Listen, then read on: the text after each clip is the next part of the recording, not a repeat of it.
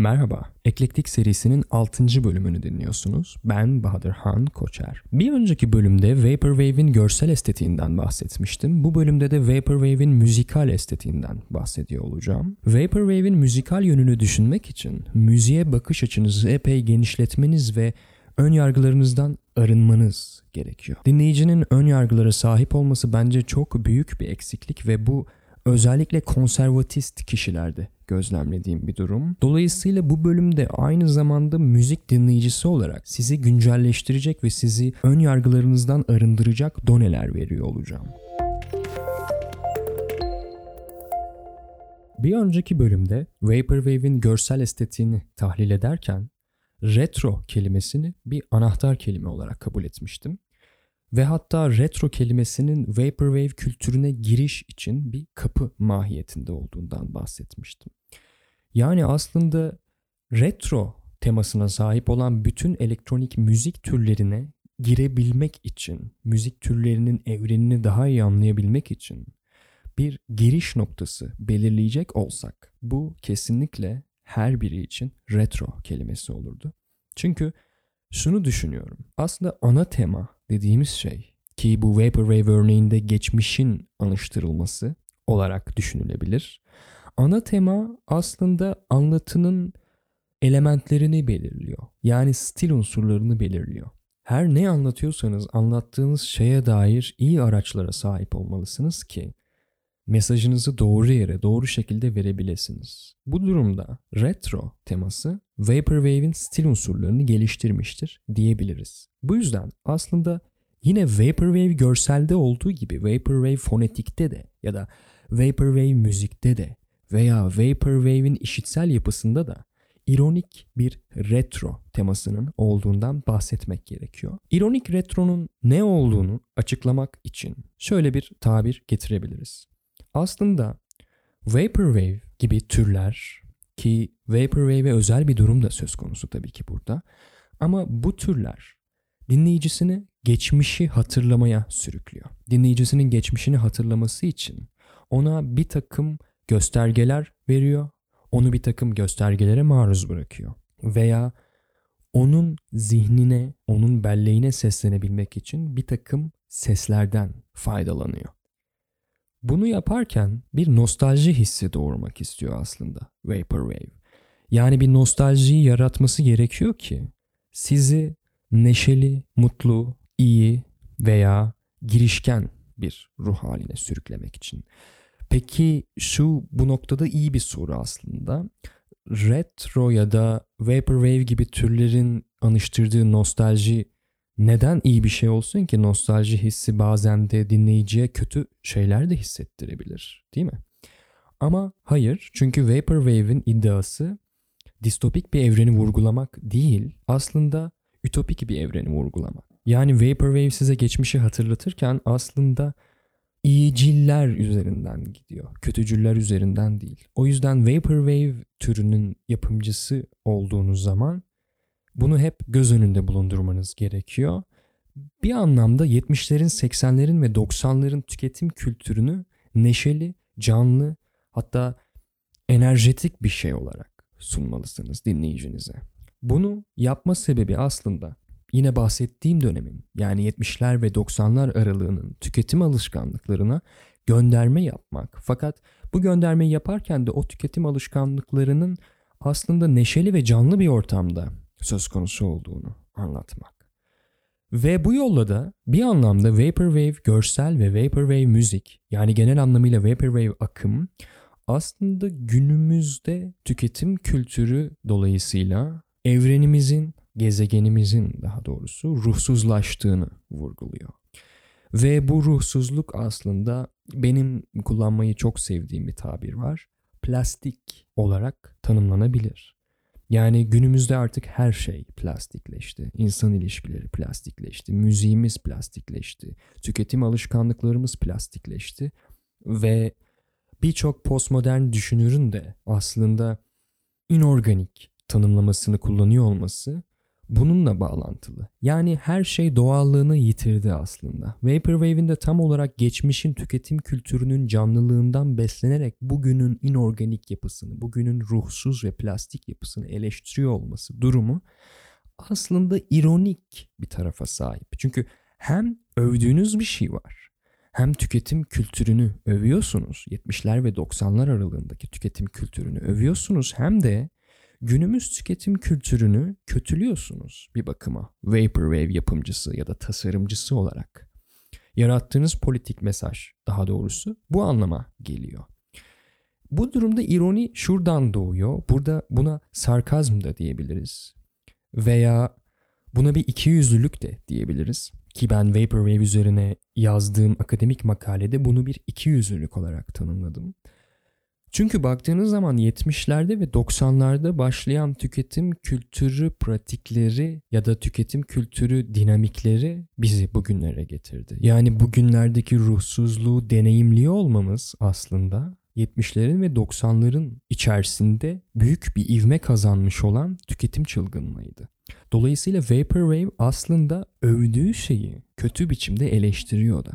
Bu yönüyle ironik bir tür olduğunu düşünmekteyim Vaporwave'in. Ve retro unsuru yani geçmişi hatırlatma, nostalji hissi yaratma ve özellikle endüstri döneminden sonra meydana gelmiş olan o seri üretim evrenini bir anlamda vurgulama hissini yaratırken, bu alışkanlığı sürdürürken aslında iki yüzlü bir tavır sergiliyor. Bu anlamıyla Vaporwave önemli bir akım. Hem bu niteliklerini göz önünde bulundurmak gerekiyor hem de bazen bu nitelikleri aslında Vaporwave ile kalıplaşmış, Vaporwave'in genetiğini işlemiş nitelikler olarak algılamamız gerekiyor. Kısacası bu fikri hiçbir zaman aklımızdan çıkartmamamız gerekiyor ki Vaporwave ironik bir retro yaratır denilebilir. Vaporwave müzikten bahsederken aslında en çok sorulan iki soruyu araştırdım. Bunu Google Trends aracılığıyla yaptım ve gördüm ki sorulan iki sorudan biri Vaporwave öldü mü sorusu. Vaporwave öldü mü sorusu aslında üzücü bir soru. Neden üzücü bir soru?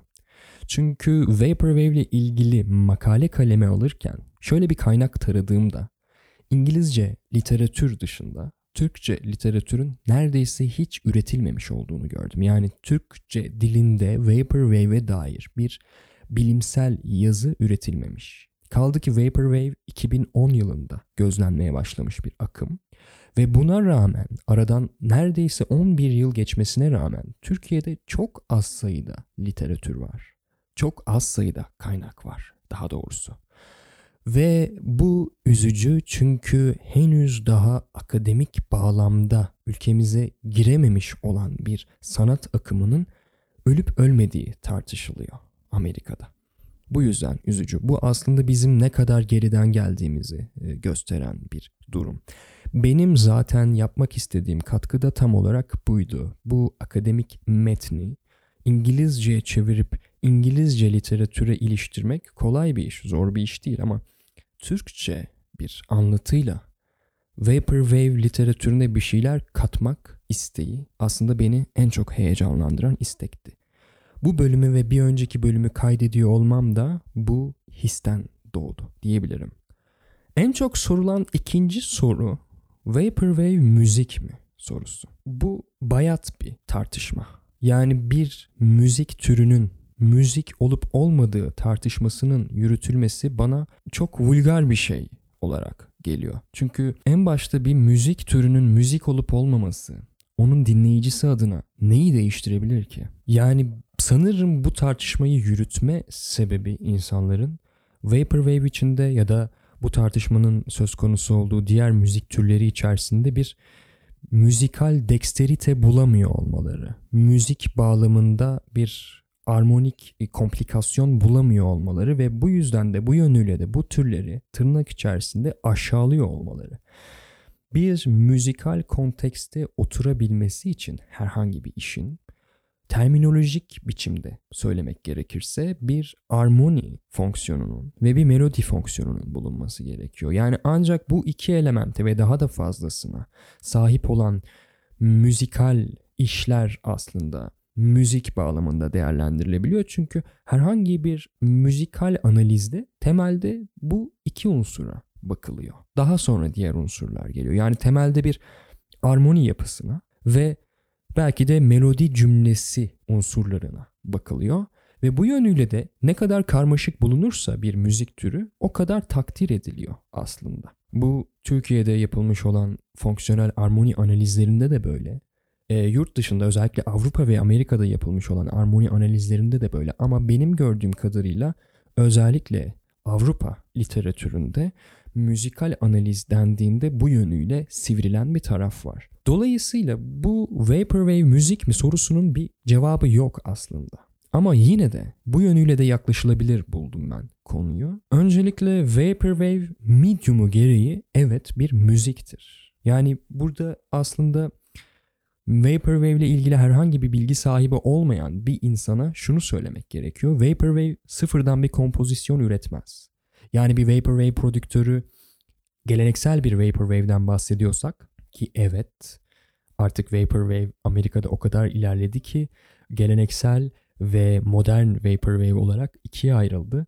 Ve geleneksel Vaporwave'de yani Vaporwave'in çıkışının unsurlarında, çıkış yaptığı esnada sahip olduğu unsurlarda şunu görürsünüz.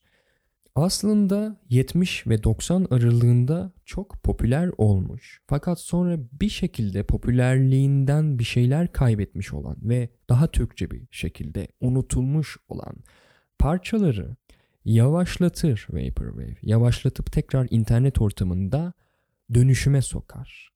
Dolayısıyla insanlar bir dönem dinledikleri parçaların ve unuttukları parçaların yavaşlamış versiyonlarıyla karşılaşırlar. Vaporwave tam olarak bu işlemi yapar ve bu işlevi üstlenir aslında. Dolayısıyla sıfırdan bir kompozisyon yapmaz ve sıfırdan bir kompozisyon yapmadığı için Vaporwave'i müzik olarak niteleyemeyebiliriz evet ama medium'u gereği dedim ya yani demek istediğim biz Vaporwave'e nereden erişiyoruz ya da Vaporwave müzik çalışmalarına nereden erişiyoruz? Bunun çok basit bir cevabı var. Spotify'dan, Apple Music'ten, Deezer'dan veya YouTube'dan erişiyoruz. Dolayısıyla bu bağlamda müzik kategorisinde bize sunulduğu için Vaporwave aslında bir müzik olarak kabul ediliyor. Bunun dışında medium'unu sorgulamanın ötesinde herhangi bir sorgu üretmenin gereksiz olduğunu ve bayat olduğunu düşünüyorum.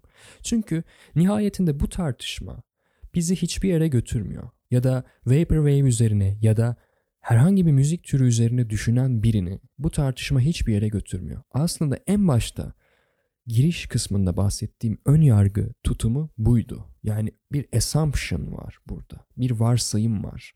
Vaporwave zaten bir müzik değildir varsayımı var ve siz bu varsayımla sadece Vaporwave'e değil herhangi bir müzik türüne yaklaşırsanız o müzik türüne dair herhangi bir veri elde edemezsiniz ya da elde ettiğiniz veri gerçeklik yönünden, nesnellik yönünden zayıf kalacaktır. Dolayısıyla her müzik türünü Vaporwave'de olduğu gibi her müzik türünü kendi kontekstinde ele almak gerekiyor. Vaporwave'in konteksti baştan beri yani ortaya çıkışından beri internette. 2010'larda aslında forumlarda ortaya çıkan, e, art forumlarda ortaya çıkan ya da Reddit gibi majör forumlarda ortaya çıkan bir türdü Vaporwave ve bu yönüyle bir müzik olarak elbette tasarlandı. Sonuçta bir müzik ihtiva ediyor. Yani bir abstract tasarım ifade etmiyor Vaporwave. İçeriği bakımından bir müzik çalışması olarak değerlendirilebilir bütün Vaporwave işler. Tek fark şudur. Vaporwave işlerde var olan bir müziğin değiştirilerek kullanılması söz konusu olduğu için bir kompozisyon yaratısından söz edemeyiz. İşte orada biraz işler konservatuarın çerçevesinin dışına çıkıyor. Yani konservatuar işte bu noktada aslında Vaporwave'e yanlış bir bakış atarak onu müzik kontekstinden çıkartıyor ki bence bu çok geleneksel bir tutum. Bu kadar geleneksel bir tutumla yaklaşmak bence güncel akımlar hakkında bir şeyleri gözden kaçırmak e, anlamına gelecektir. Bu bence tehlikeli bir şeydir. Söylediğim gibi Vaporwave'in medium'u Vaporwave'i müzik haline getirmiştir. Ve Vaporwave'i armoni yönünden tahlil etmek ki geleneksel fonksiyonel armoni e, tahlilleri vardır. Belirli bir tahlil kalıbı vardır. Yani bir müziği incelerken geleneksel fonksiyonel armoni kalıbıyla o müziği incelediğiniz zaman sizin belirli e, yollardan geçip belirli başlıklara tik atarak ilerleyip o müzikte özelden genele ya da genelden özele gitmeniz gerekir. Bir müziği o şekilde tahlil edersiniz. Bu geleneksel bir metottur. Bu metodu konservatuvar, e, müzikoloji ya da etnomüzikoloji alanındaki öğrenciler ya da değerli akademisyenler çok iyi bilecektir neden bahsettiğimi ve bahsettiğim bu fonksiyonel armoni metoduyla Vaporwave'i tahlil etmek çok gereksizdir, çok tutarsızdır. Çünkü Vaporwave'in derdi bambaşka. Vaporwave'in konsepti ve konteksti bambaşka. Vaporwave aslında var olan müzikleri kullanarak, var olan müzikleri yavaşlatıp yeniden servis ederek, var olan müziklerden sample'lar keserek, yeni bir bağlam oluşturup, yeni bir eser, yeni bir içerik oluşturup, o içeriği yeniden pazarlayarak Vaporwave aslında bir kolaj müziği gibi davranır. Kolaj müziği dediğimiz şey tam olarak neydi peki? Şu kadar basit bir cevabı var bunun. Kolaj nedir? Kolaj belirli parçaların birleştirilmesidir yeni bir bağlamda. Fotoğrafik kolaj düşünelim ki aslında zaten kolaj müziği kavramındaki kolaj kelimesi tamamen bu fotoğrafik bağlamından kopup gelmiştir. Birkaç fotoğrafı bir yüzeye yapıştırarak ve o yüzeyi tablolaştırarak odanıza asabilirsiniz. Bu bir kolaj çalışması oluyor. Farklı zamanlarda çekilmiş farklı görselleri tek bir bağlamda birleştirdiğiniz zaman o ayrı bir anlama gelmeye başlıyor artık. Dolayısıyla kolaj farklı bağlamdan bir şeyleri yeni bir bağlamda birleştirmek anlamıyla ve yeni bir anlam üretmek anlamıyla kullanılıyor müzikte ve kolaj müzik dediğimiz şey aslında hip hop, tekno gibi türlerde sıklıkla karşımıza çıkıyor. Bu türlerde kolaj tanımlamasının getiriliyor olmasının sebebi şudur biliyorsunuz ki özellikle hip hop'un ilk dönemlerinde ortaya çıktığı ilk dönemlerde maddi yetersizliklerden dolayı sıfırdan müzik kaydedip o müziği sektör standardına eriştirecek ya da eriştirse bile sektörde pazarlayacak insanlar yoktu. Hip hop'u yaratan insanlar böyle insanlar değildi. Hip hop'u yaratan insanlar aslında alt kültüre mensup tırnak içinde ve maddi geliri düşük olan insanlardı. Bu yüzden var olan parçalardan sample kesmeyi tercih ettiler. Bu yöntemle müzik elde etmeyi tercih ettiler. Değil mi? Bu tarihçeye baktığınız zaman aynı tarihçeyi tekno içinde görebiliyorsunuz ve bir süre sonra bu bir kültürü oluşturdu. Sampling kültürünü oluşturdu. Yani samplerlar aracılığıyla bir müzikten örnek alıp başka bir müzikten başka bir örnek alıp bu örnekleri yeni bir bağlamda birleştirip bir beat oluşturmak örneğin hip hop müziğin benimsediği bir prodüksiyon tekniğiydi ve hala da geleneksel olarak bu tekniği yürüten çok iyi sample artistler vardır. Bu noktada Vaporwave de bir kolaj müzik çünkü var olan müzikleri yeni bir bağlamda ki bu yeni bir bağlam ifadesi oldukça önemli. O yüzden sürekli bunu vurgulayarak kullanıyorum.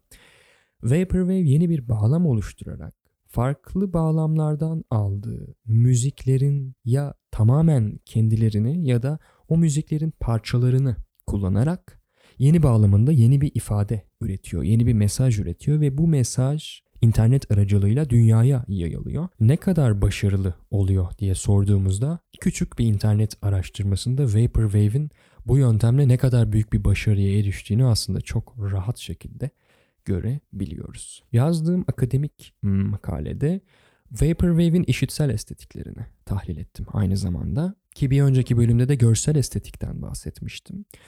Görsel estetik konusu da aslında kaleme aldığım makalenin konusuydu. İşitsel estetik de hakeza öyleydi ama müzikoloji bölümünde tahsil gördüğüm için aslında işitsel tarafın üzerine daha çok eğildim ve bu bölümde daha somut, daha geniş konuşabilme şansım olacak böylelikle. Yazdığım makalede işitsel unsurları tespit ettim ve başlıca tespit ettiğim bu işitsel unsurlar Vaporwave için sırasıyla yavaşlatma, bitrate düşürme, detone etme ve eskitmeydi. Şimdi en başta şunu söylemek gerekiyor. Fark ettiyseniz müzikal unsur demedim. Yani müzikal unsur dediğim zaman ne canlanabilir insanın zihninde diye düşündüğünüzde Şöyle bir örnekle sizin karşınıza çıkabilirim. Bir parçada herhangi bir akor yürüyüşünde minör bir gamın akorlarından, minör bir gamın birincisinden majör bir gamın birincisine çıkma işi, o noktada bir kadans yapma işi spesifik bir aksiyondur ve buna Picardy third deniyor müzik e, teorisinde. Bu bir müzikal unsurdur ve bunun yapıldığı, bu unsurun kullanıldığı bir parçayı tahlil ederken bu unsurun var olduğunu keşfeder ve bu unsura bir anlam yüklersiniz. Örneğin dersiniz ki besteci burada Picardy third yaparak huzursuz ve distopik ve üzgün bir atmosferi daha mutlu, daha canlı bir atmosfere sürüklemek istemiştir. Bu bestecinin armoniyi fonksiyonel biçimde kullanışına bir örnektir. Ama Vaporwave'de böyle bir örnek söz konusu değil. Böyle bir örnek bulamazsınız. Vaporwave'de daha çok işitsel unsurlar vardır. Dolayısıyla işitsel estetik tanımını kullanmamda bundan ileri geliyor.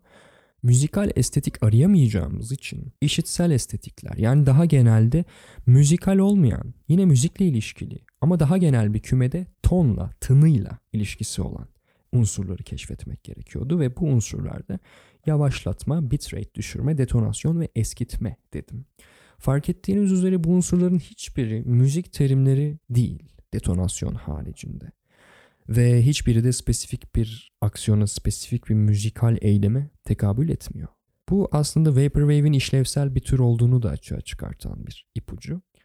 Öncelikle yavaşlatmanın üzerinden geçmek istiyorum. Söylediğim gibi Vaporwave var olan parçaları yavaşlatma tavrını izleyerek bu yolla bir dönem var olmuş, popüler olmuş fakat unutulmuş ama aynı zamanda toplumun belleğinde yer edinmiş parçaları yavaşlatarak topluma farklı bir şekilde yeniden hatırlatma davranışını sergiliyor. Doğrusu topluma diyor ki bir dönem böyle bir parça dinlemiştim. Hatırlıyor musun? Vaporwave'in esas endişesi, esas kaygısı tam olarak bu. Dolayısıyla yavaşlatma onun için bir anlatı unsuru. Yani var olan parçaları yavaşlatarak 70'lerin ve 90'ların zamanını çağrıştırıyor. Bizim belleğimizden bir takım tonları, bir takım tınıları, bir takım parçaları dolayısıyla bir takım hisleri kopartarak canlandırıyor yeniden, bize hatırlatıyor. Ve bunu yapmasındaki sebep aslında o dönemin tüketim kültürüne işaret etmek. Diğer bir görüşse yalnızca o dönemi canlandırmak olduğunu savunuyor ve o dönemi canlandırırken bir nostalji hissi yaratırken o dönemin tüketim nesnelerinden yararlandığını savunuyor. Ama benim hipotezime göre Vaporwave aslında o dönemin tüketim kültürü üzerinden sosyolojik bir kritik yapmakta. Ve bunu yaparken de yavaşlatma unsurunu kullanıyor. Vaporwave'in yavaşlatma tekniğine dair verilebilecek en iyi örnek aslında Vaporwave'in tırnak içinde marşı olan, marşı haline gelen, en çok dinlenen Vaporwave çalışma olan Macintosh Plus. Macintosh Plus, Vectroid isminde bir prodüktörün yarattığı bir çalışmaydı ve orijinaliyle Diana Ross'un It's Your Move parçasının belirli oranda yavaşlatılmış haliydi. Ve söylediğim gibi Vaporwave'in en çok dinlenen temsili parçasıdır. Vaporwave'i temsil eder. Vaporwave tutkunları tarafından bir marş olarak benimsenmiştir. Bu örnekte şunu görüyoruz. Aslında Vaporwave yavaşlatma unsurunu kullanarak Diana Ross'un var olan bir parçasını geçmiş anımsatıcısı olarak kullanıyor. Dolayısıyla Vaporwave'in ortaya çıkmasına sebep olan ilk parça Macintosh Plus olduğu için Macintosh Plus aynı zamanda Vaporwave'in temel anlatı unsurlarından birinin yavaşlatma olduğunu da bize anlatıyor. İkinci anlatı unsuru bitrate düşüşü. Vaporwave müzik dinlediğiniz zaman şunu göreceksinizdir ki müziğin çözünürlüğü epeyce düşüktür. Burada teknik bir açıklama getirmeyeceğim. Yani bitrate'in ne olduğu, bitrate düşünce nasıl işitsel değişikliklerle karşılaştığımız gibi bir takım unsurlar var burada. Bunu zaten meraklısı çok iyi bilecektir. Bilmeyenler için de bu bir şey kaybettirmeyecektir. Ama şunu bilmek gerekiyor sadece. Geçmişte bitrate'in artmış biçimde dinleyiciye ulaşması mümkün değildi. Donanım ve yazılımlarla alakalı bir imkansızlıktı bu. Dolayısıyla 70'lerde ve 90'larda düşük çözünürlüklü bir müzik söz konusuydu. Tıpkı bu taş plak ve vinil plak ayrışması gibi zaman ilerledikçe müzikteki o canlılık ve çözünürlük artmış imkanlara bağlı şekilde. Sadece bunu bilmek gerekiyor ve Vaporwave'de geçmişe dönük anıştırma yapma derdi taşıdığı için otomatik şekilde çözünürlüğün düşük olduğu müzikler üreterek ya da çözünürlüğün düşük olduğu tınılar üreterek çok basit şekilde dinleyiciye yine geçmişi anımsatıyor. Çözünürlük düşürme neden ayrı bir teknik peki? Şu yüzden oldukça modern ekipmanlarla, modern yazılımlarla kusursuz ve kristal temizliğinde bir çalışma üretirsiniz ve bu çalışmayı bitrate'ini düşürerek sanki 70'lerde üretilmiş gibi manipüle edebilirsiniz. İşte bu bir teknik olarak Vaporwave yapımcıları tarafından kullanılıyor. Özellikle yeni dönem yapımcılar tarafından sıklıkla kullanılıyor. Bir diğer unsur da detonasyon. Yine aynı şekilde detonasyon da yapımcıların yeni işleri detone ettiği anlamını taşıyor. Detone ediyorlar çünkü yine az önce üzerinden geçtiğim gibi 70'ler ve 90'lar atmosferi yaratmaya çalışıyorlar. Çünkü 70'lerde özellikle donanımlar o kadar analogdu ki ya da o kadar tırnak içinde kusurluydu ki doğal haliyle bir detonasyon vardı müzikte. Yani tape üzerinden dinlenen ya da tape üzerinden plağa aktarılan müziklerde bir detonasyon vardır. Bir kumlanma vardır. Bir bozulma vardır aslında ve bu doğal bir şeydir. Yani gündelik hayatımız çünkü insan yaşamı kusurlu bir şeydir. Kusur dediğimiz şey organik olana işaret eder müzikte ki bu konuda Baudrillard'ın çok önemli bir tespiti var. Baudrillard gerçeklik ilkesinin yitimi tezini meşhur hipotezini daha doğrusu ileri sürerken özellikle müzikte bir bağlantı yakalıyor ve bu bağlantıyı da müziklerin gün geçtikçe daha temiz ve daha kusursuz oluşuyla açıklıyor. Ve ona göre bu gerçeklik ilkesinin yitmesine sebep olan bir unsur. Çünkü müzik kusurlu olmalı. Sound kusurlu olmalı. Çünkü insan hayatı kusurlu. İnsan hayatı zaten organik haliyle kusurlu. Dolayısıyla bu kusur mekanik şekilde ya da yazılımsal şekilde ortadan kaldırıldığında aslında bir nebze insan gerçeklikten ödün vererek bir anlamda uzaklaşıyor. Ve Baudrillard bu bağlamda da meşhur simülasyon kavramını çiziyor, kavramını yaratıyor. Müzik bağlamında bunu ileri sürmüş olmasının elbette bir anlamı var ve aslında Vaporwave yapımcılarıyla bu bağlamı kuran Baudrillard bir noktada kesişiyorlar. O da müziğe kusur katarak müziği daha bizden, daha canlı, daha gerçek, daha nostaljik, daha duygusal bir hale getirme davranışı. Ve söylediğim gibi detonasyonda bu tekniklerden bir tanesiydi. Diğer bir teknik eskitme tekniği. Eskitme tekniği aslında büyük bir başlık ve söyleyebilirim ki eskitme tekniği yani müzikte eskitme tekniği bir prodüksiyon tekniği olarak da epeyce yaygın şekilde kullanılıyor. Bunu şöyle düşünebiliriz. Yeni nesil prodüktörlerde bir şekilde ürettikleri müziğin sanki analog ekipmanlar sayesinde, analog ekipmanlar kullanılarak üretilmişçesine bir algı oluşturma tutkusu var. Yani dijital ortamda tamamen ekran üzerinden oluşturulan bir müziğin örneğin tape emülatörleriyle sanki tape ile kaydedilmiş olduğu hissini yaratmaya bayılıyorlar yeni dönem prodüktörleri. Daha önceki bölümlerden birinde bahsetmiştim. Bu konuyla ilgili de Ariel Kalma ile bir röportaj gerçekleştirdim. Bu röportajı YouTube'da bulabilirsiniz.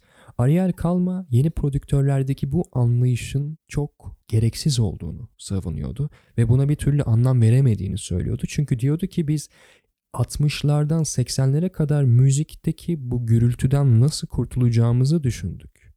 Ve bunu en iyi şekilde bize sağlayabilecek olan ekipmanlara tonlarca para harcadık ama şimdi insanlar bu kusuru yeniden getirmek için kimi yazılımlara para vermeye başladılar ve bu anlaşılır bir şey değil diyor. Bu tabii bir düşünce. Bir diğer taraftan da yakın dostum olan Ergin Erteber'le bir röportaj gerçekleştirdim aynı bağlamda.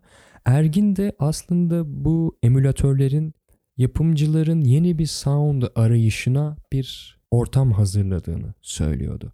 Ya da şöyle ifade edelim aslında Ergin'in düşüncesinde kreativite noktasında tıkanan yapımcılar bu emülatörleri kullanarak sanki farklı bir şey elde edebileceklerini düşünüyorlardı. Bunu kreatif bir kaçış yolu olarak kullanıyorlardı.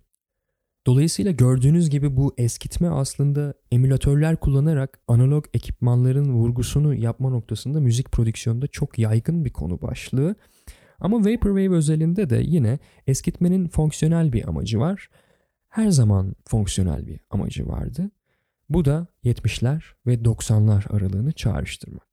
Aslında bu noktada şunu söylemem gerekiyor. Vaporwave'e dair tahlil ederek tespit ettiğim bütün stil unsurlarının varlığının temelde tek bir sebebi var. O da 70'ler ve 90'lar çağrışımı yaparak o dönemin tüketim kültürüne vurgu yapmak. Dolayısıyla var olan bütün elementler aslında bir anlamda nostalji yaratmak için var. Bu kadar basit. Siz de Vaporwave dinleyerek ya da Vaporwave tasarımları inceleyerek Sadece bu bağlamın varlığını, bu unsurun varlığını akılda bulundurarak çok nokta atışı tahliller yapabilirsiniz. Çünkü Vaporwave'in tek derdi yeni bir ürünü eski göstermek müzikal bağlamda veya geçmişten koparılmış bir müziği hiç yenilemeden, restore etmeden hatta daha da bozarak dolaşıma sokmak. Vaporwave'in iki temel niyeti bu. Tabii bu bağlamda müzik prodüktörlerinin ve tasarımcılarının aslında davranışları da enteresan. Çünkü gözlemlediğim kadarıyla Vaporwave prodüktörleri de kamplara bölünmüşler ve herkes aslında aynı derdi taşımıyor, aynı politik mesajı üretmiyor. Ama temelde değişmeyen tek bir şey var. Bunu yeniden ifade ediyorum. Vaporwave 70'lerin ve 90'ların tüketim kültürüne ve 70'lere ve 90'lara ait olan ne varsa ona vurgu yapmak için var ve bütün stil unsurları da bu yüzden söz konusu. Bunu bilmek önemli. Az önce yavaşlatma tekniğinden ve bu tekniğin ne kadar önemli bir teknik olduğundan bahsetmiştim. Aslında yavaşlatma tekniğini kullanan ilk tür Vaporwave değil. Ondan önce Plunderphonics ismi verilen bir tür var. Plunderphonics aslında John Oswald'ın bir manifestosunu gerçekleştirdiği müzik türü ve bu müzik türünün temel derdi de bir anlamda geçmişin fonksiyonel müziğini ön plana çıkartmak yavaşlatma metoduyla. Fonksiyonel müzik kavramını burada biraz açmak gerekiyor. Aslında fonksiyonel müzik dediğimiz şey kapitalist aksiyona geçen tüketimcinin bu davranışını destekleyen, bu davranışını tetikleyen, onun tüketimini daha kolay hale getiren, onu daha da az sorgulayan bir birey haline getiren ve bu görevi üstlenen müzikler fonksiyonel müzik olarak tanımlanabilir. Örneğin AVM'lerde çalınan müzikler fonksiyonel müziğin en temel örneğidir veya asansör müzikleri. Bunların varlığını sorguladığınız zaman şöyle bir sonuca ulaşırsınız. Aslında örneğin alışveriş merkezinde dinlediğiniz müziğin eğer profesyonel bir el tarafından hazırlanmışsa o müziğin tek bir motivasyonu vardır. O da müşteriyi bir anlamda hipnotik bir duygu durumuna, hipnotik bir state'e sokup orada asılı bırakmak ve bu anlamda onun tüketim hızını ve tüketim şiddetini artırmak. Müzik burada gördüğünüz gibi bir fonksiyon üstleniyor ve bu müzik türüne de literatürde fonksiyonel müzik deniyor. Ve Plunderphonics de müziğin bu fonksiyonel tarafına vurgu yapıyor ve John Oswald aslında gerçekten iyi bir düşünür de benim için. Böyle bir titri yok ama ben John Oswald'ın yazılarını araştırdığımda onun bir düşünür olduğuna kanaat getirdim. Çünkü gerçekten çok avantgard bir takım vurguları var ve Plunderphonics türünü çok açmak istemiyorum ama ilgililerinin araştırmasını şiddetle tavsiye ediyorum. Plunderphonics şu yönden önemli. Aslında Vaporwave'e hem stil unsurları bakımından hem de konsept bakımından katkı sağlamış bir müzik türü. Yani Plunderphonics aslında Vaporwave'i doğuruyor bile diyebiliriz. Diğer bir deyişle Vaporwave varlığını Plunderphonics'in ve John Oswald'ın ileri sürdüğü görüşlerin varlığına borçlu. Plunderphonics'te de aslında Vaporwave'de gördüğümüz gibi bir nostalji hissi yaratma ve bu nostalji hissinin içine de bir mesaj yedirme durumu söz konusu. Yani nostalji hissiyle mesaj harmanlanıyor ve harmanlanarak dinleyiciye eriştiriliyor. Dinleyici bu politik mesajı çözümlüyor ve bir düşünce evrenine giriş yapıyor. Vaporwave müzikal olmaktan ziyade işitseldir demiştim. İşitsellikten konu açılınca aslında tınıdan bahsetmek gerekiyor. Tını yeni müzik araştırmalarında önemli bir kavram. Daha çok timbre biçiminde kullanılıyor İngilizce literatürde. Tını basitçe şu. Aynı notanın gitardan ve kemandan verilmesi sonucunda hangi sesin hangi enstrümandan çıktığını anlamanıza sebep olan şey aslında tını. Tını müziğin ötesinde, müziğin üzerinde bir kavram. Yani müzik tekniğinin dışında ele alınması gereken bir kavram. Ve bu yönüyle Vaporwave aslında tını kavramından ve tınının kendisinden faydalanıyor. Hatta tınılardan faydalanıyor. Faydalandığı tınılar aslında yine geçmişin tüketim kültürüne dair herhangi bir nesneyle bağdaşmış olan, o nesneyle özdeşleşmiş olan, dolayısıyla geçmişin tüketim kültürüyle özdeşleşmiş olan tınılar Vaporwave için bir materyal. Hatta Vaporwave'in ana materyali bu tınılar. Nasıl tınılar bunlar? Verilebilecek en gözle görülür ve araştırılabilir örnek aslında arcade makineleri. Arcade makineleri oldukça retro.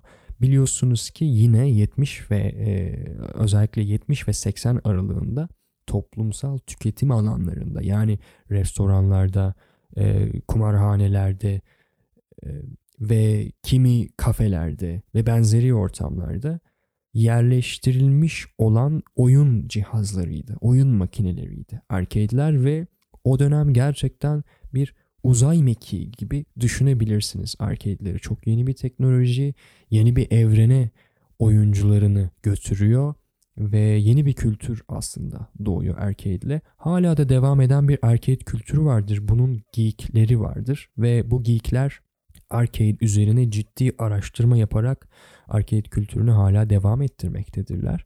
Vaporwave ile arcade kültürünün arasındaki bağıntı nedir peki? Şu kadar basit. Arcade makinelerin aslında arcade oyunları içeriyordu ve bu arcade oyunlar da belirli sesleri, belirli müzikleri ve belirli görselleri içeriyordu. Ve içerdikleri bütün bu görsel ve işitsel veri Vaporwave'in konusu oldu. Yani Vaporwave görsel taraftan arcade grafiklerini taklit etmeye başladı. Arcade renklerini taklit etmeye başladı. Buna iyi bir örnek Outrun oyunudur. Outrun bir arcade oyunu ve 1986'da ortaya çıkıyor. Örneğin Outrun dediğimiz şey Vaporwave'in temel temasını oluşturmuştur. O meşhur sonsuza giden ızgara ve batan güneş imgesi aslında Outrun oyunundan doğmuştur.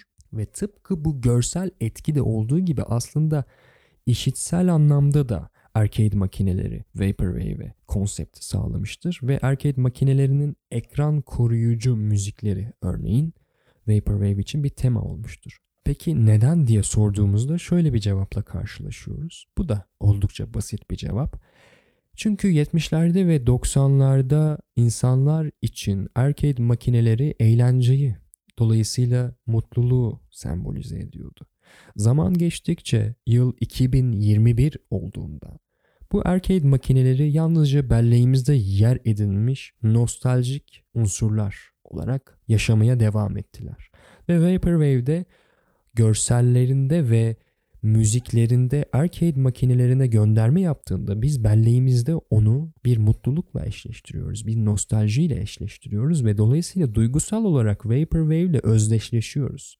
Vaporwave ile özdeşleşmemiz Vaporwave'in vermiş olduğu politik mesajı daha iyi algılamamıza, daha iyi anlamamıza ve özümsememize sebep oluyor. Öyle değil midir zaten? Yani bir şeyle ne kadar iyi özdeşleşirseniz duygusal zeminde o şeyin vermek istediği mesajı almaya ve anlamaya daha da eğilimli olursunuz. Vaporwave'in aslında en iyi stratejisi buydu ve beni büyüleyen strateji de buydu. Ki bu büyünün sayesinde bir akademik makale kaleme almaya karar verdim ve söylediğim gibi bu iki bölümü de beni etkileyen bu tarafı sayesinde kaydediyorum Vaporwave'in. Bu aslında göz ardı edilecek hiçbir tarafı olmayan bir konu ve Vaporwave'in anıştırmasının bu bütün bu stratejisinin bir sistem olarak internette doğmuş olması ve alt kültüre mensup genç insanlar tarafından Vaporwave'in yaratılmış olması benim gözümde onu daha da incelemeye değer bir tür haline getiriyor. Bu vesileyle geçmişin tüketim kültürü tınılarını nasıl yaratmaktadır sorusuna bir cevap olarak arcade makineleri örneğini verdim. Bu zihninizde bir şeyi mutlaka netleştirmiştir. Ama özellikle bu konuda derinleşmek istiyorsanız ve hatta arcade makinelerinin o anıştırdığı güzel duyguyu ve Vaporwave'in o temasında harmanlanmış olan yeni hisleri deneyimlemek istiyorsanız bu konuda da lütfen detaylı bir araştırma yapınız. Vaporwave aynı zamanda tınıdan yararlanırken bir işitsel anıştırma oluştururken 70'lerin ve 90'ların kitle medyasından da faydalanıyor. Bir önceki bölümde bu VHS'den bahsetmiştim. VHS aslında önemli bir şey. Çünkü insanların bireyselleşerek kendi evlerinde kendi kişisel videolarını çekmesi o dönem için oldukça önemli bir dönüm noktasıydı ve bu otomatik yolla bir VHS formatı oluşturdu. Yani 4'e 3 çerçeve, pastel renkler, glitch görseller ve Vaporwave de bundan esinlenerek kendi görsel tasarımlarına VHS formatını yedirerek ve bu formatı giydirerek aslında geçmişi anıştırıyordu. Tıpkı onda olduğu gibi Vaporwave müzik de aslında o dönemin VHS ve TV gibi kitle medyasından faydalanıyordu. Örneğin o dönemin hava durumu sunumlarının arka planındaki müzik Vaporwave'i ilgilendiriyor. Bu müziği alıp yavaşlatmak, bu müziği parçalara bölüp sampling yöntemiyle yeniden inşa etmek Vaporwave'in ilgilendiği yaratıcı taraflar ve aslında kitle medyasına dair aklınıza ne geliyorsa yani 70'lere ve 90'lara dair 70'lerin ve 90'ların TV ve diğer medya unsurlarına dair aklınıza ne geliyorsa işitsel olarak bütün bunlar Vaporwave'in işitsel unsurlarıdır denilebilir. Bu noktada hem fonksiyonel müziği hem de o dönemin kitle müziğini bir araya getirebilecek olan bir kavram var ve bu kavramda music kavramı M-U-Z-A-K şeklinde yazılıyor. Ve music aslında bir müzik türü olarak günümüzde biliniyor. Bilimsel literatürde de bir müzik türü olarak ele alınıyor music. Fakat aslına bakarsanız music bir şirket ismiydi en başta. Bunu şuna benzetebiliriz. Yani nasıl ki peçeteye selpak diyorsak, kızarmış patatese cips diyorsak ve büyük tekerlekleri olan ve çekiş gücü inanılmaz fazla olan büyük araçlara Jeep diyorsak aslında Music de buna benzer bir durum. Yani markanın genelleşmesi bir şemsiye haline gelmesinden bahsediyorum. Music eski dönemlerde aslında kapitalist e, tüketim modelinin özellikle AVM'lerin ve toplu tüketim e, alanlarının doğuşuyla birlikte o alanlarda çalınacak olan müziklerin işletmecileri telif problemiyle karşılaşmamaları için yeniden şekillendiren bir şirket. İşletmecilere royalty free müzik veriyor. Yani diyor ki eğer işletmenizde benim size verdiğim kullanılması serbest müzikleri çalarsanız yasal olarak herhangi bir sıkıntıyla karşı karşıya kalmazsınız. Müzik bu imkanı veren ve yasal yollarla da aslında yasal yollara dayanarak da royalty free'ye ve kapitalist fonksiyonel müziğe öncülük eden bir şirketten bir müzik türü olarak e, bilinme yolunda ilerliyor ve Günümüzde music dediğimiz şey bir müzik türü olarak basitçe şunları ifade ediyor. Komplike olmayan basit bir armoni. Yani dinleyicinin rahatlıkla özümseyebileceği, rahatlıkla duygusal özdeşleşme yaşayabileceği bir armoni, karmaşık olmayan ritmik unsurlar, karmaşık olmayan melodik unsurlar gibi gibi. Yani kısacası vulgarize edilmiş, kolay sindirilebilir hale getirilmiş ve tutkusal şekilde müzik dinleyen insanları rahatlıkla hype'layabilecek, rahatlıkla onları affect altında bırakabilecek ve onların duygusal yapısını değiştirebilecek dokunuşları yapabilen müzik türüne kısacası fonksiyonel tüketim müziğine music deniyor günümüzde ve müzik literatüründe de böyle biliniyor. Bu anlamda iyi bir örneğim var. Mark Davis isminde bir eski Kmart çalışanı 2015 yılında çalıştığı dönem boyunca Kmart'ta müzik editörlüğü yaptığı sırada çalınan müziklerin bir arşivini paylaşıyor. Ve bu kocaman bir arşiv ciddi şekilde sınıflandırılmış bir veri var. Yani 1980 yılının Ekim ayında hangi müziklerin çalındığını Mark Davis'in bu arşivine girerek görüp dinleyebiliyorsunuz. Mark Davis'in yayımlamış olduğu bu tüyler ürpertici, muazzam güzelliğe sahip müzik arşivinin aslında tanımını rahatlıkla yapabiliyoruz değil mi? Birincisi bu bir music arşivi, ikincisi fonksiyonel müzik arşivi ve bir anlamda da tüketimi şekillendiren bir müziğin 10 yıl içerisinde nasıl şekillendiğini çok iyi şekilde anlatabilecek niteliğe sahip bir arşiv. Ki Davis 10 yılı aşkın bir süre Kmart'ta çalışmış ve söylediğim gibi Kmart'ın müzik editörlüğünü yapmış bir isim. Bu arşiv yayınlandıktan sonra Vaporwave yapımcılarının büyük ilgisini çekti. Şimdi anlattığım onca şeyden sonra şunu düşünmeyi size bırakıyorum. Sizce bu bir tesadüf mü? Yani Vaporwave yapımcılarının bu arşive akın etmeleri ve bu arşivden binlerce sample kesecek parça keşfetmiş olmaları ve bunu da gerçekten müthiş bir üretim gücüyle sadece bu arşivden üretilmiş albümlerle destekliyor olmaları sizce bir tesadüf mü? Daha basit şekilde Vaporwave prodüktörleri fonksiyonel müzikle niçin bu kadar yakından ilgileniyorlar?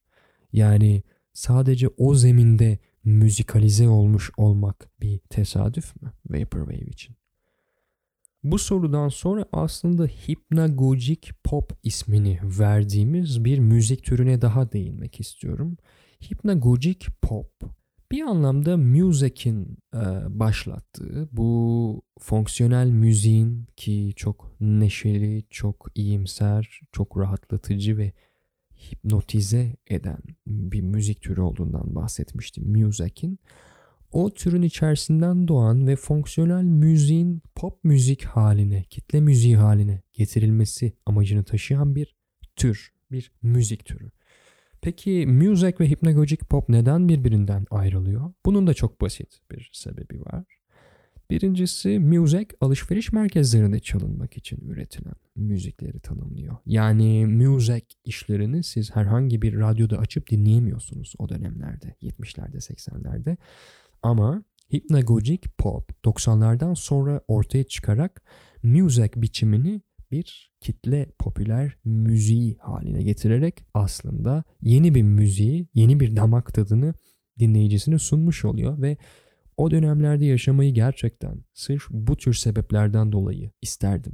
Çünkü düşünün ki alışveriş merkezi denilen toplumsal tüketim alanı hayatınıza giriyor ve buna kolayca adapte oluyorsunuz. Ve bu adaptasyon sürecinde Muzak denilen bir holding devreye giriyor ve bu holding devreye girdikten sonra yeni hipnagogik tüketici hipnotize eden ve sürekli tüketmeye zorlayan bir müzik türü oluşuyor ve bu müzik türüne alışmaya başlıyorsunuz ve daha sonra hipnagogik pop doğuyor ve bu müzik türünü radyolarda dinlemeye başlıyorsunuz. Demek istediğim her şey çok yeni ve bu yeniliği kanlı canlı deneyimliyor olma hayalim sanırım ölene kadar beni kovalayacak.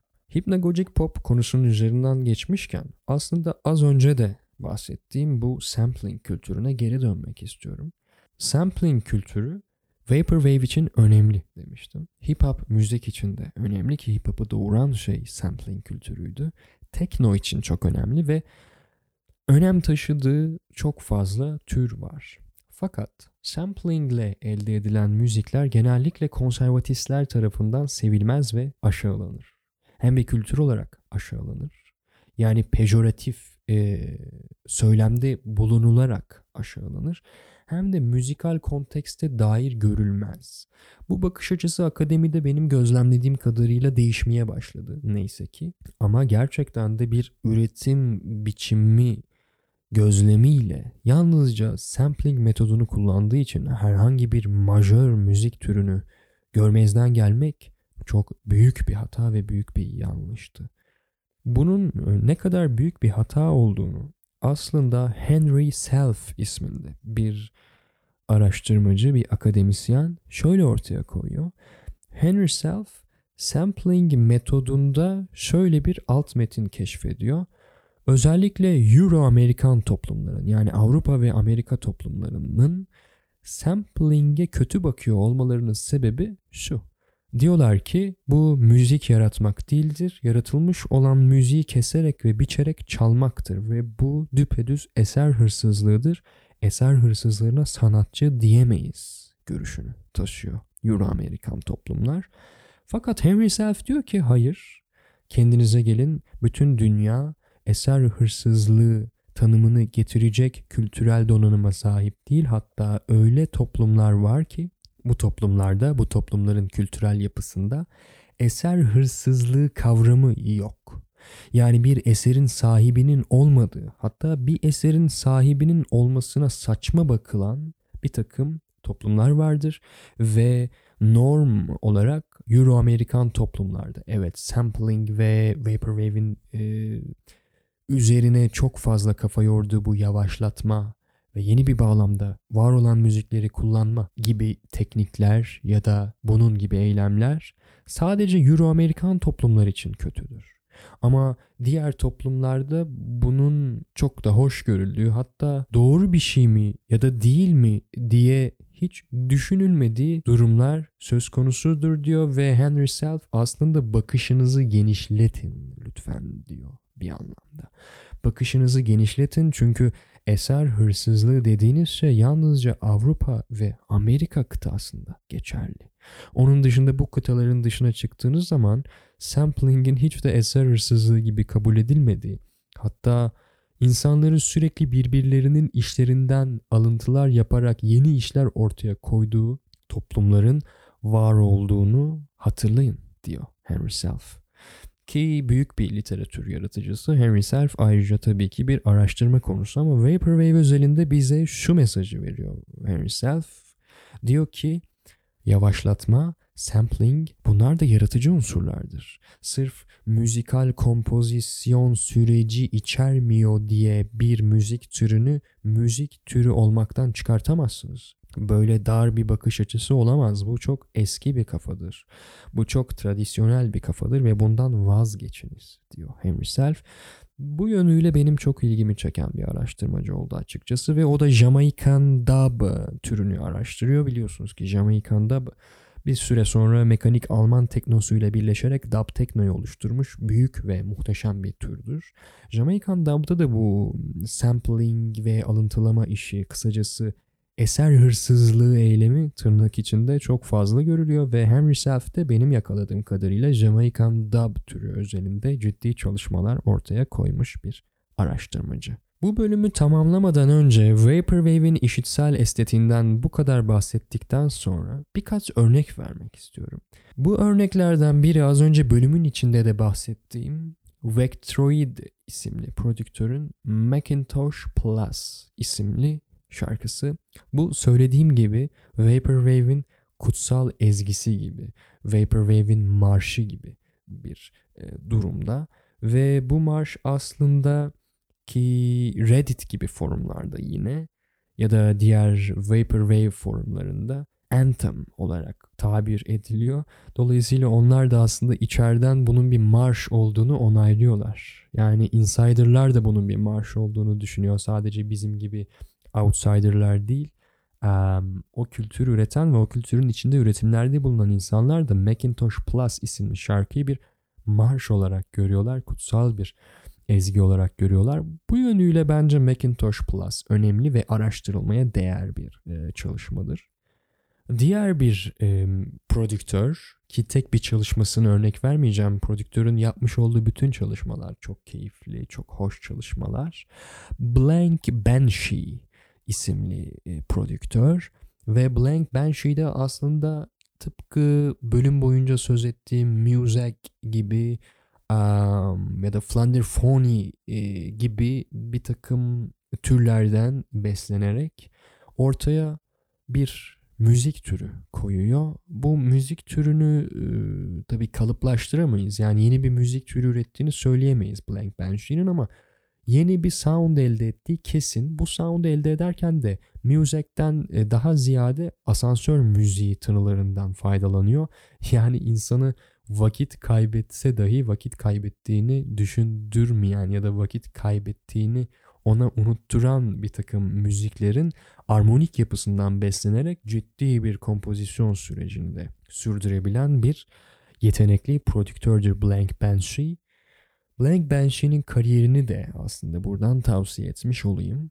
Bir diğer isim de aslında bir önceki bölümde bahsettiğim Skylar Spence ve bu prodüktör aslında Sam Pepsi ismini kullanıyor. Diskografisinin tümünü nesne fetişizmi eğilimiyle, Marksist bir deyişle Pepsi üzerine koruyor. Yani bütün müzik kliplerinde Pepsi reklamlarından sekanslar kullanıyor ve Pepsi reklamlarında kullanılan tonları benimseyerek ürettiği müziklerde o tonlardan besleniyor ve evet isminde Pepsi geçiyor. Bir tür Pepsi imgelemeyi yaratıyor aslında. Zihnimizdeki 70'ler ve 90'lar dönemi Pepsi'sini neyle özdeşleştirdiysek Skyler Spence özdeşleştirdiğimiz o şeyi belleğimizden çağırabilmemiz için kendini tabiri caizse feda ediyor.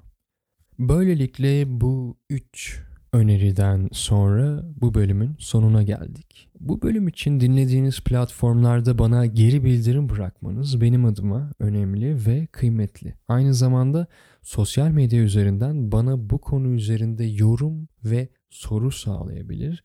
Gelecek bölümleri siz şekillendirebilirsiniz. Kültür ve sanat alanına dair konularda derinlere indiğimiz bu serinin devam edebilmesi için bana açıklama bölümündeki URL'ye tıklayarak Patreon'dan destek verebilirsiniz. Teşekkür ederim.